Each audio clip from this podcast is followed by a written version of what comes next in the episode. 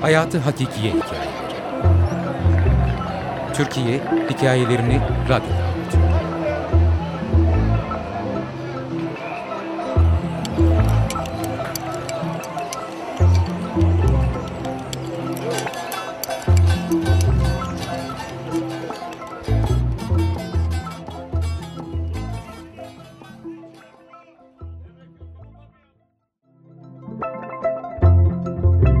Olmayan taksi. Beklemiyordum.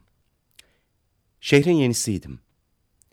İzmir yolu üstünde, mobilya mağazalarının önünde, birlikte halı sahada top oynayacağımız arkadaşın arabasıyla beni almasını bekliyordum. Bekledim, bekledim, gelmedi. Bir yanlış anlama olsa gerekti. Maçın başlamasına 10 dakika kalmıştı. Sahanın bir ismini bir de bulunduğum yere çok da uzak olmadığını biliyordum.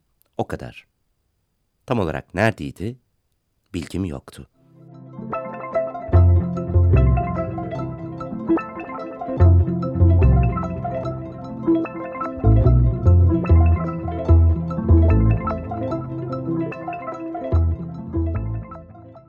Yakınlarda bir taksi durağa bakındım.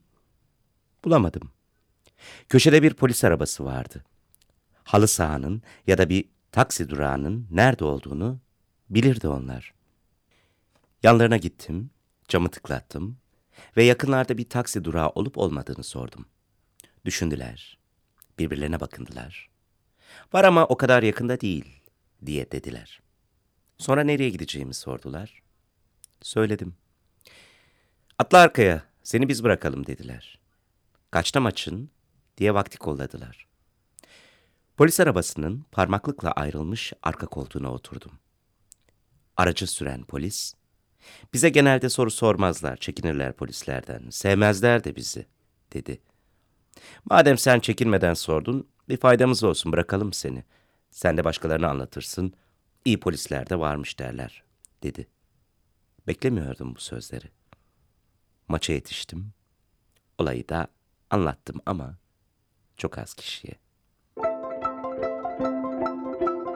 Olmayan taksi. Yazar Alper Ağırman, editör Semih Gümüş, okuyan Eraslan Sağlam.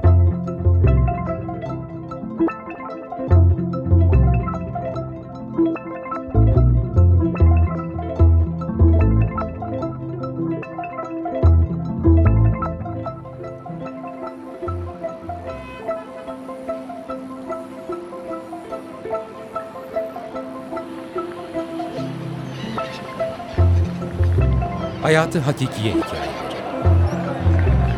Türkiye hikayelerini radyoda.